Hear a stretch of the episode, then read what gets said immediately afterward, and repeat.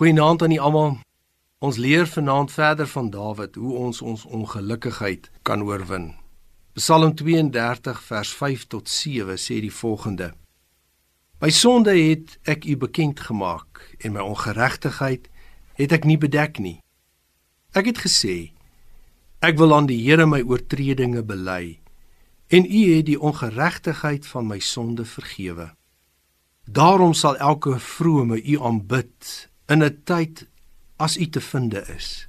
Ja, by 'n oorstroming van groot waters sal hulle nie aan hom raak nie. U is 'n skuilplek vir my. U bewaar my van benoudheid. U omring my met vrolike gesange van bevryding. Dawid praat hier van vertroue. Die Amerikaners het tydens die Tweede Wêreldoorlog bomwerpers na Japan gestuur na 'n stad met die naam van Kokura. Die stad sou vernietig word met die tweede atoombom wat gebruik is.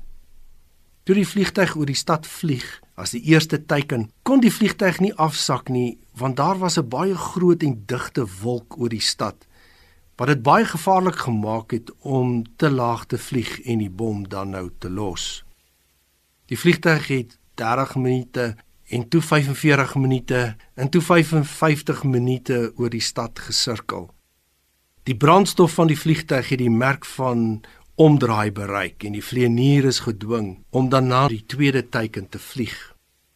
Die tweede teiken was Nagasaki en die bom is op Nagasaki afgegooi en die stad en al die inwoners en die soldate is gedood.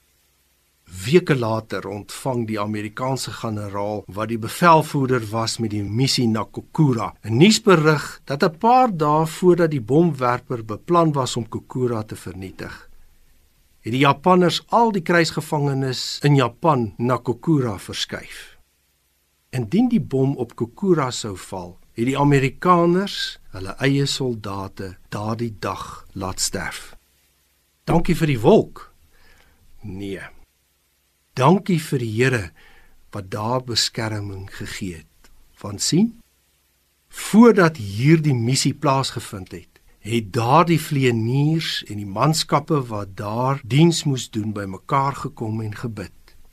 Dankie Here dat U vanaand weer bevestig.